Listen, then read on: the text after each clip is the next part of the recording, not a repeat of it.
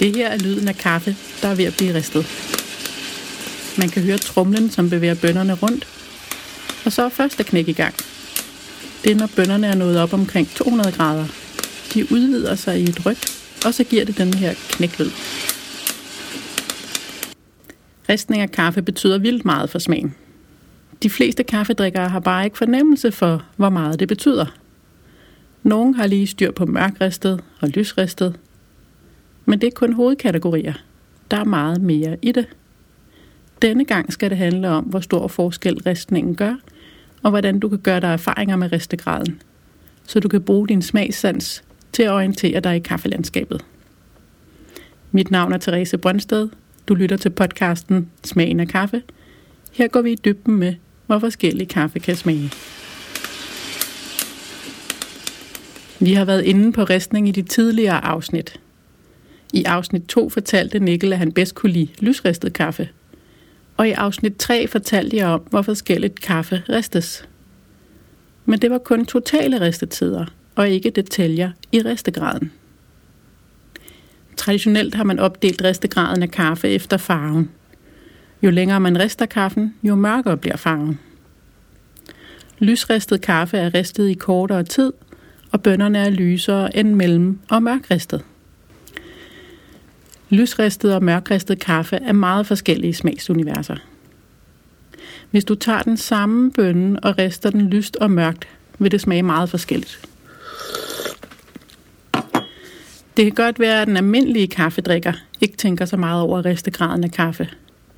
Men alle, som går op i kaffe, har stærke meninger om det. Enten er man til det lyse, eller også er man til det mørke. Kaffefolk med indsigt i ristning vil typisk sige, at noget kaffe er for mørkt i smagen, eller for lyst i smagen, hvis de er diplomatiske. Bølgerne går nemt højt. Dem, som kan lide det lyse, kan finde på at sige, at det mørke er brændt af, eller kalde det cigariske, mens dem på den mørke side kalder det lyse for tyndt eller surt pis. Meget poetisk alt sammen. Ja, det lysristede kaffe har mere syrlighed.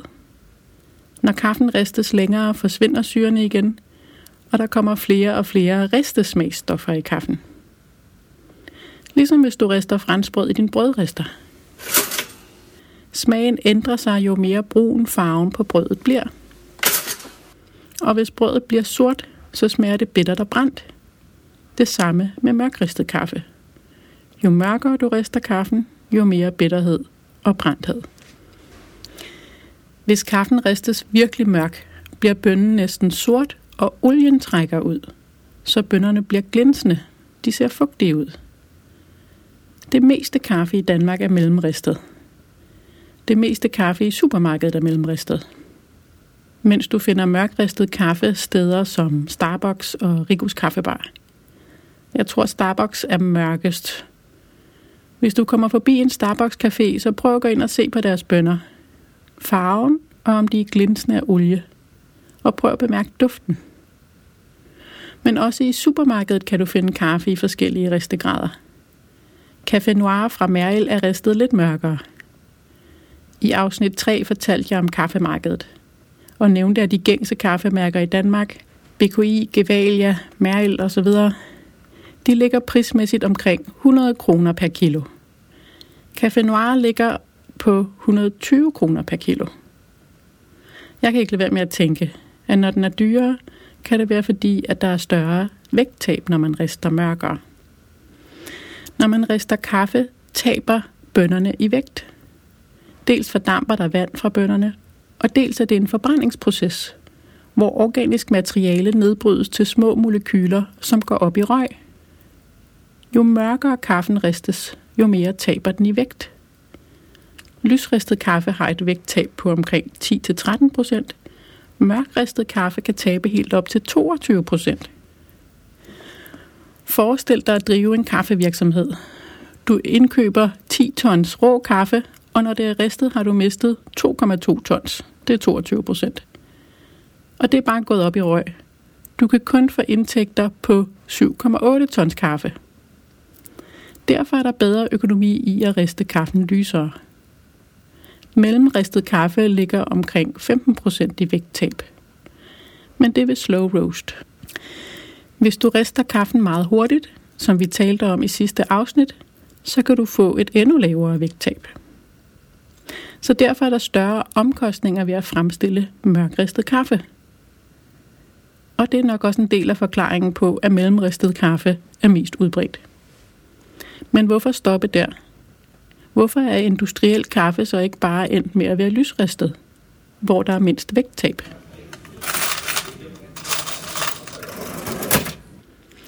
Lysristet kaffe er sværere at lave godt, både at riste og at brygge. Og så er det ikke alle kaffebønner, som har nogle spændende smage at byde på, når der ristes lyst. Jo mørkere kaffe ristes, jo mere ens smager det, uafhængig af hvilken bønne det er. Mens lysristningen meget mere viser, hvad bønnens oprindelige karakter er. Så det stiller højere krav til kvaliteten af bønnen. En forhandler af rå kaffe, som har specialiseret sig i at finde bønner, der er egnet til lysristet kaffe, er Nordic Approach. Det er et norsk firma, og deres priser er højere end andre kaffeimportører. Jeg fortalte i sidste afsnit, at verdensmarkedsprisen for standardkaffe ligger omkring 1 dollar per kilo. Det er, hvad kaffebunden får i betaling. Når Nordic Approach køber bønder, så er det fordi nogen rejser rundt og smager på kaffen. Og køber kun det, som er virkelig godt. Men så betaler de også 5, 7, 10 dollars per kilo. Når kaffen så sendes til Europa, sker det indimellem, at containeren lige fyldes op med noget andet kaffe. Eller når kaffen kommer frem, og man smager på den, så er den ikke helt så god. Sådan noget kaffe sælger Nordic Approach til lavere priser end ellers. Og så foreslår de, at det bruges til en mørkere rist. Simpelthen fordi jo mørkere ristet kaffe, jo flere ristenoter kommer der, og jo mindre afgørende er kaffens oprindelige beskaffenhed. Lysristet kaffe er ikke så udbredt. Tidligere kunne man nærmest ikke finde det i Danmark. Det er først startet for sådan 10 år siden. Inspirationen kom fra Norge. Nu er lysristet kaffe kendt som Scandinavian Style ude i verden. Navnet Nordic Approach henviser faktisk til det. Den nordiske tilgang til at riste. Jeg smagte det for første gang for seks år siden hos Coffee Collective, som absolut var forgangsmænd i at riste lyst her i Danmark. Da jeg gik derhen, havde jeg høje forventninger, og kaffen var dyrere end normalt. Så jeg forventede rigtig god kaffesmag. Men jeg blev så skuffet. Jeg synes slet ikke, det smagte af kaffe. Det lå uden for min definition af, hvordan kaffe smager. Det ville have været en fordel, hvis jeg på forhånd var indstillet på, at det var te. Siden da har min smag i kaffe flyttet sig mod det lysere, men ikke helt så lyst som Coffee Collective. Men jeg kender mange, som knus elsker det, og synes, det er vildt aromatisk. Og så kender jeg mange, som er på the dark side. Dem, der bedst kan lide mørkristet kaffe. De synes, det lysristede bare er tyndt. De fanger slet ikke de aromastoffer, som er på spil. Det er altså sjovt, at vi er så forskellige indrettet. At vi lever i så forskellige sanseverdener på det her punkt. Ikke bare er det forskellige, hvad vi kan lide, men også hvad vi fanger af aromastoffer. Derfor må du udforske selv. Denne her podcast går ud på at give dig en vejviser til at afprøve det forskellige. Så du kan opbygge dit eget smagslandkort over kaffe. Og så på den måde finde frem til de bedste kaffeoplevelser for dig. Mm. Nu har jeg nævnt nogle muligheder for at smage på forskellige ristegrader af kaffe. Noget man kan gå ud og købe. Det mest lærerige er dog, hvis man tager samme bønder og rister den på forskellige måder – så får man virkelig ind på lystavlen, hvor stor forskel ristningen gør for smagen. Det er bare sjældent, man kan købe det, men man kan riste selv. Det er super lærligt. Det er ikke så svært at komme i gang med. Jeg rister kaffe på en decideret kafferister, men man kan også riste i en almindelig køkkenovn. Altså, det er ikke lige så nemt som at lave syltetøj. Men hvis man ved, hvad der er vigtigt, og prøver det nogle gange, kan man sagtens få noget hederligt ud af det. Og uanset hvad, så gør man så nogle nyttige erfaringer med smagen af kaffe. For at give jer praktiske tips, er jeg taget hjem til Thomas Vilders Petersen for at riste kaffe. Han er gået seriøst ind i at blive god til at riste kaffe i sin køkkenovn. Han har læst rundt på nettet, og så har han bare gjort det igen og igen, og gjort sig erfaringer hen ad vejen. Rå kaffe kaldes grønne bønner. Dem kan du købe i kaffewebshops. Enkelte kaffebutikker har dem også på hylderne. I København er der resteriet nær Rådhuspladsen og kaffeværk på Frederiksberg. I Aarhus har jeg hørt, at Mocha House, Kaffe Mecca og Great Coffee også har dem. Jeg fortalte tidligere om Nordic Approach. Men dem kan man altså ikke bare købe et kilo grønne bønner hos. Hos dem køber man dem i sække på 60 kilo. Og så skal man betale fragt fra deres lager i London. Men hvis du vil have bønner, som er gode til lysristning, så spørg der, hvor du køber kaffebønderne. Vi står her i Thomas køkken øh, for at riste nogle kaffebønner. Og vi starter med at høre Thomas, hvor, øh, hvad gør du, når du skal forberede en ristning? I hvert fald kan jeg se, at du har tændt ovnen. Hvor lang tid i forvejen er den tændt?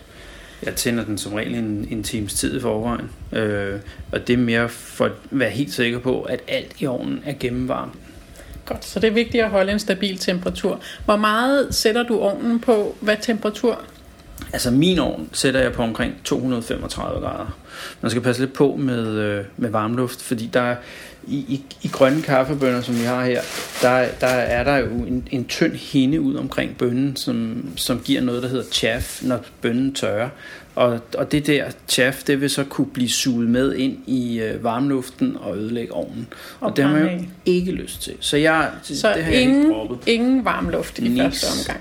Og hvad skal du så mere have klar, før du sætter bønderne i ovnen? Hvad har du sat frem på køkkenbordet? Altså det basale er jo en brædepande. Øh, jeg bruger den, der har den, den højeste kant. Der er som regel to med til sådan en ovn.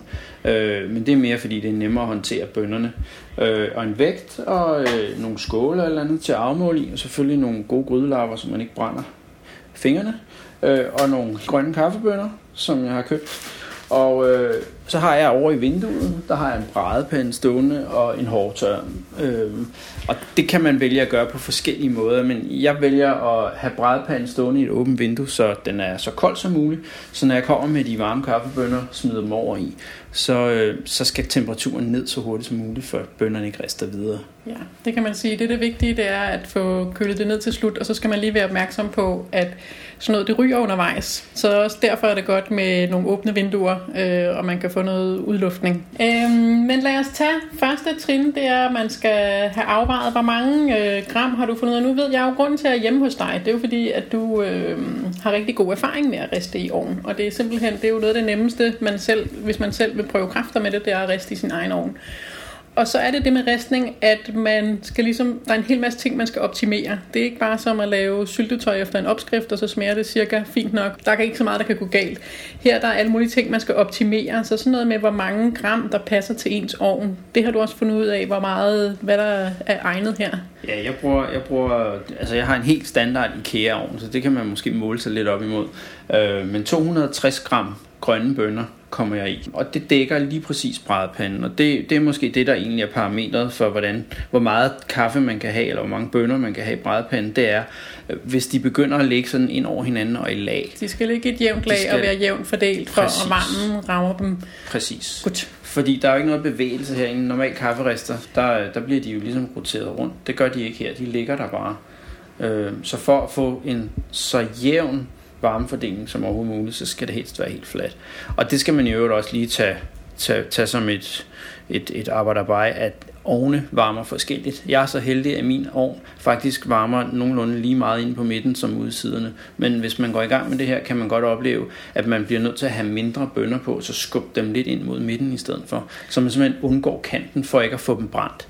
Så det er simpelthen et, et kernepunkt i at riste kaffe, det er, at man skal prøve sig frem og gøre noget, og så se, hvordan det udvikler sig, og så forbedre det til næste gang.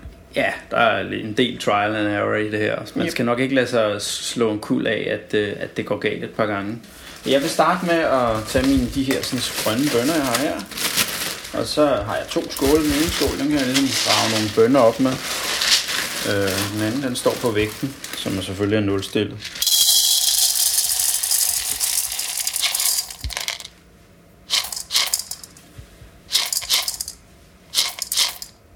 Så skal vi lige ramme 260 gram. Det var der. Og så tager jeg bare bønnerne og hælder op i min brædepande, som så er kold. Den har jeg ikke stående inden jeg begynder at... Har du fundet ud af, at det er bedst? Jeg får ikke at få et for tidligt første knæk, jamen så, øhm, så har jeg en kold plade. Hvis den var varm, så, så, vil, så går det simpelthen for hurtigt, og så når man ikke at udvikle kernen i bønnen nok, synes jeg. Øh, så det er simpelthen for at få så, så, så, så jævn en rest som overhovedet muligt, at, øh, at jeg er kommet frem til det her. Det, som Thomas er i gang med her, det er, at han klapper på bønderne, så de ligger i et fuldstændig jævnt lag.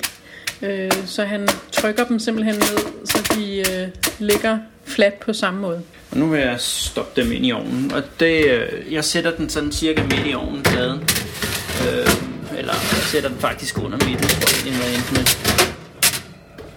Og så lukker jeg, og så, har jeg lige glemt at få startet min app her. Man kan også bare bruge et helt almindeligt stopur. stopur. Øh, fællesnævneren er, at man jo selvfølgelig starter det, og så øh, kan man have en lille bog ved siden af, som man noterer udviklingen af, af selve resteprofilen i. Jeg kan klart anbefale, at man øh, noterer ned hver gang, og det er især vigtigt det der med at starte stopordet, og så man har, har reddet på, hvor lang tid man har ristet. Fordi når man så smager på kaffen bagefter, og den enten er blevet for lys og ikke har nok smag og for meget syrlighed, eller den er blevet for mørk og brændt, så kan man næste gang arbejde videre ud fra, hvad man gjorde sidste gang. Så skriv ned, skriv ned, skriv ned. Men nu er de der små fætter røget i ovnen, og så går der altså et stykke tid. Hvor meget var det, siger? Det er cirka 12 minutter til første crack, er det det, der plejer? Nej, jeg tror, det her det vil komme inden for de første 9 minutter. Mellem 7 og 9 minutter, tror jeg faktisk, at, øh, at de begynder at, at knække. Måske på 10, jeg ved ikke helt. Igen, prøv jeg frem. Øh, det kan godt være, at 235 grader i jeres ovn er langt mere effektivt end i min. Det kan også være, at det er for lidt, og så må man jo skrue lidt på det. Men altså, jeg synes, at de plejer at sige, at first crack må gerne komme mellem... Nej, det er der ikke nogen fast regel om, men mellem 8 og 10 minutter i den størrelsesorden, yeah. der må man gerne ramme det første knæk. Og hvis den er på under 5 minutter, så er det i hvert fald for hurtigt. Og omvendt, hvis du er henne på, at der går 15-20 minutter, før du rammer første knæk, så får man det, der hedder baked flavor. Altså, den bliver bagt i stedet for. Så, så det med at udvikle smagen, det har meget med de her tider at gøre. Ja, og det vil i sidste ende også komme til at styre din udgangstemperatur, når du har sådan en ovn her, som jo ikke er hvad skal man sige, er meget langt fra en konventionel kafferester, også en hjemmerester. Du har ikke, du har ikke noget varmluft, der cirkulerer rundt om bønderne. Du har ikke nogen bønder, der bevæger sig. Du har ikke sådan, så man må ligesom prøve at, og, og, ja, prøve at prøve sig frem, og så se. Godt. Så vender vi tilbage, når bønderne har begyndt at få noget farve. Mens vi venter, kan jeg lige fortælle, at man også kan riste kaffe i en gryde på komfuret. Her skal man røre rundt i bønderne hele tiden for at få en jævn varmefordeling. Så hvis du ikke kan få en jævn rest i din ovn, hvis du tydeligt kan se, at bønderne ude i kanten bliver brune før midten, kan du prøve med gryderistning i stedet. Du kan finde YouTube-videoer om det. Prøv at søge på Roast Coffee Stove eller Roast Coffee Pan. Thomas har i øvrigt et trick til at give en mere jævn varme i ovnen. Han lægger en bagesten på en plade lige under, hvor han sætter bønderne ind, og lader den blive godt varm først. Nu øh, har resten så været i gang i en 5 minutters tid, og det vi kan se ind i ovnen, det er, at de er begyndt at blive brune. Hvad for en brun farve skal vi kalde det der for? Sådan kanel? Ja, eller sådan, ja, en meget lys kanel. Måske faktisk sådan en, en sådan fuldmoden korngul farve. Det er i hvert fald et udtryk for, at bønderne nu har smidt en del af den fugtighed, som de har inde i sig, og begyndt at riste. Altså man siger, at jeg mener, farve, farven typisk starter omkring de 150 grader. Øhm, og da jeg startede med at riste kaffe, så sad jeg hele tiden og noterede ned, okay, nu synes jeg farven, efter så lang tid, synes jeg farven er nået dertil, og så dertil, og sådan havde forskellige navne for, er det her en kanel, eller er det nougatbrun, eller hvad er det. Men der, hvor de knækker, der er bønderne ved at have øh, kaffebønnefarven, altså mørkebrun. Kan du prøve at beskrive duften, Thomas? Jamen, den, den er jo faktisk, altså, når vi nu bliver i, over i kornet, så er den sådan lidt, lidt øhm, sådan lidt tør strå, øh, men alligevel med sådan en, en helt klar øh, duft af lidt ristet brød ja, eller noget i den stil. Man er ikke i tvivl om, at, at der er noget her, der er ved at udvikle sig derinde. Man kan også sige, at en af fordelene ved at starte i sådan en konventionel ovn her, det er, at du har et, øh, et stort ovnvindue, og du har øh, en masse lys inde i ovnen. Så man kan faktisk sidde helt nede foran ovnen som sådan en lille hund øh, igennem hele sin rest, og så kan man sidde og kigge ind i den. Så får man et rigtig fint indtryk af, hvad det egentlig er, der sker undervejs. Og Men se, nu er jeg jo vant til at riste, hvor de roterer bønderne, for de har altid kun ristet i kafferister. Så jeg har ikke før set, at bønderne ligger helt stille. Men jeg kan jo se, at allerede her på det seneste, der er nogle enkelte bønder, der har bevæget sig lidt, og det troede jeg først, de gjorde, når de nåede hen til første crack. Ja, men øh, vi, er jo, vi er jo inde i syv minutter her, kan man se på stopuret.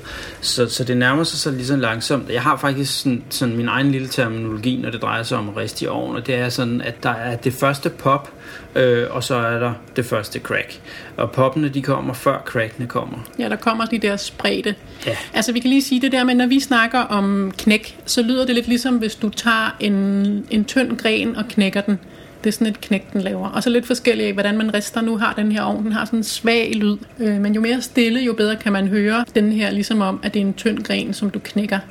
Og det er enormt vigtigt at lytte efter, og, og problemet er lidt, at man regner tiden fra, når første knæk starter, der skal du kigge på tiden, og så skal du regne, skal jeg riste halvanden minut, skal jeg riste to minutter, men de starter ikke helt skarpt, og der kan komme sådan en enkelt en, og så kan der gå 20 sekunder, før der sker noget igen.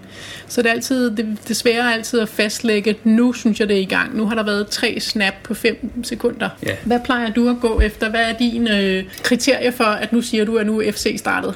Jamen, lige for ovnen, der er, det jo, der er jo netop det der med, at man kigger ind, man har altså, du har også du har godt overblik over faktisk alle bønderne, så hvis man sidder og kigger på dem, så kan man se, når de begynder at poppe sig, eller bevæge sig i hvert fald, ikke? så er der noget på vej. Og så kan man jo notere det som en tid.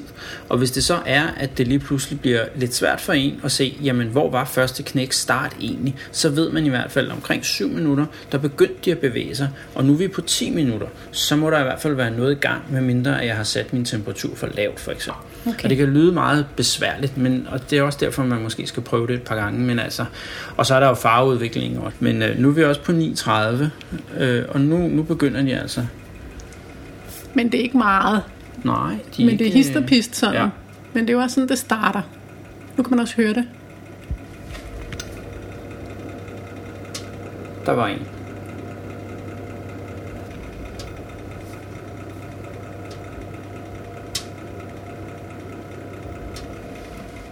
Og nu knækker de fint. Og der vil jeg sige, så, så har vi jo faktisk nærmest ramt de 10 minutter inden, at det første knæk det meldte sig. Og det, det er helt fint. Det er en lille smule sent, men... Hvor så, lang så tid det... vil du gerne give den her ind i første knæk? Og vi er omkring 40 sekunder inden. Øh, og nok ikke give den meget mere end en et minuts tid. Så tror jeg, så tager Så skal jeg til at springe til side, så du kan tage med grydelapperne og smide den hen i vinduet. Ja, og det gør jeg nu får vi selvfølgelig. Og så ryger det i hele køkkenet. Og nu hen til vinduet. Og så op med vinduet, og så har han en stor øh, metal, metalbrædpande, og så kommer hårdtøren. Og nu står det så ud med avner ud af vinduet. De der sharp hedder det på engelsk, men avner, det er de tynde skaller, som er på oversiden af og så bevæger han dem rundt ned i brædepanden, fordi metallet leder over svarmen væk.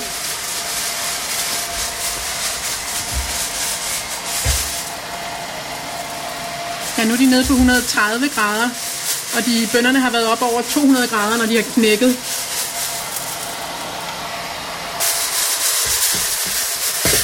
Man siger, at man skal ned under 40 grader på, på 4 minutter. Og der er altså en del restvarme. Også øh, det her er mest effektivt at gøre om vinteren. Der kan man virkelig få dem kølet ned i en hurende fart når, øh, når man stikker dem ud af vinduet og, og kører med hårdtørren.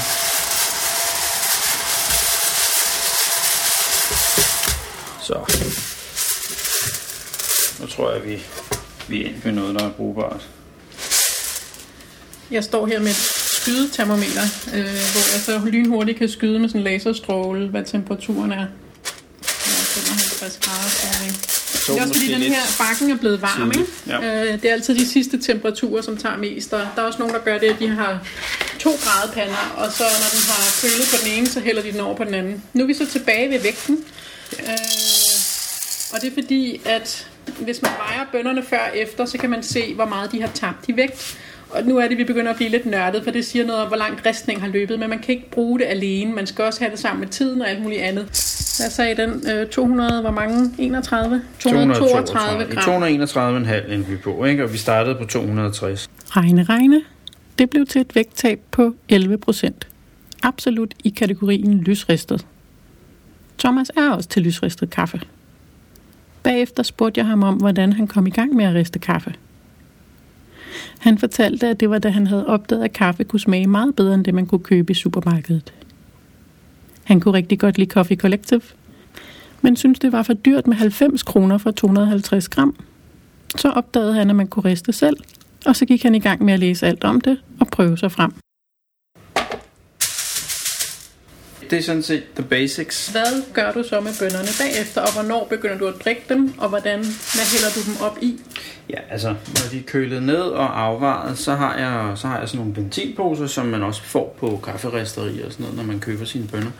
Øh, der er sådan en, en, øh, en ziplock i, hvor man kan genlukke den, og det er ret vigtigt, fordi det gør, at der ikke kommer luft ned. Og hvor lang tid går der så, før du øh, drikker kaffen? Hvor lang tid lader du den stå og vente? Altså, hvis man er utålmodig, og det eneste kaffe, man har, så er i hvert fald minimum to dage. Men normalt så mellem 5 og 7 dage, der er de faldet lidt til ro, hvis man kan sige det sådan. Og har, har, har fået sådan en blød, lækker rundhed, som de måske ikke har lige når man har ristet dem. Vi nåede slet ikke at tale om andet knæk. Thomas stoppede ristningen, inden bønderne nåede til anden knæk. På engelsk hedder det second crack. Det kommer efter, at første knæk er død ud. Så er der stille en stund, og så starter anden knæk. Det lyder ikke lige så højt som første knæk. Det er mere sådan knitrende, som i en pejs. Hvor langt ristningen når i forhold til første og anden knæk, har stor betydning for smagen. Lysristet kaffe er stoppet før første knæk er helt færdigt. Der er ikke nogen fast definition af, hvornår det går fra lys til mellemristet, eller hvornår det er mørkristet. De små risterier, som ikke rister lyst, rister ofte til lige før anden knæk rigtig er i gang. Det bliver kaldt mørkristet af nogen, og kaldes mellemristet af andre. Men rister man ind i andet knæk, kaldes det klart mørkristet. Her bliver kaffen mere og mere sort. Det er svært at finde risterier i Danmark, som rister rigtig mørkt. Altså mere end bare til omkring anden knæk. Det er til gengæld det foretrukne i Sydeuropa. På engelsk kalder man de mørke riste for French roast, Italian roast, og det aller sorteste hedder Spanish roast. Det må så være trinnet før. De bryder i brand, tænker jeg. Det lysristede er det sværeste at få til at blive godt. 10 sekunder fra eller til gør en tydelig forskel for smagen. Ristning er så vildt. Det er det vildeste ragnarok af kemiske processer, der raser under ristningen. Smagsstoffer dannes og forsvinder i et væk. Derfor er det så afgørende, hvornår ristningen stoppes. Alt det her får du bedst ind på lystavlen ved at prøve at riste selv. Hvis du får fat i et kilo grønne bønner, så prøv at riste en portion et minut ind i første knæk. Og giv næste portion to minutter ind i første knæk. Derefter tag en portion, som du rister helt frem til, hvor anden knæk starter. Når du har smagt på de tre, kan du gå videre med den ristegrad, du bedst kan lide. Hvis du kan lide aromaen i den på et minut, men synes den er for syrlig, så prøv at give den 10 eller 20 sekunder længere. Syrene forsvinder, jo længere tid kaffen ristes.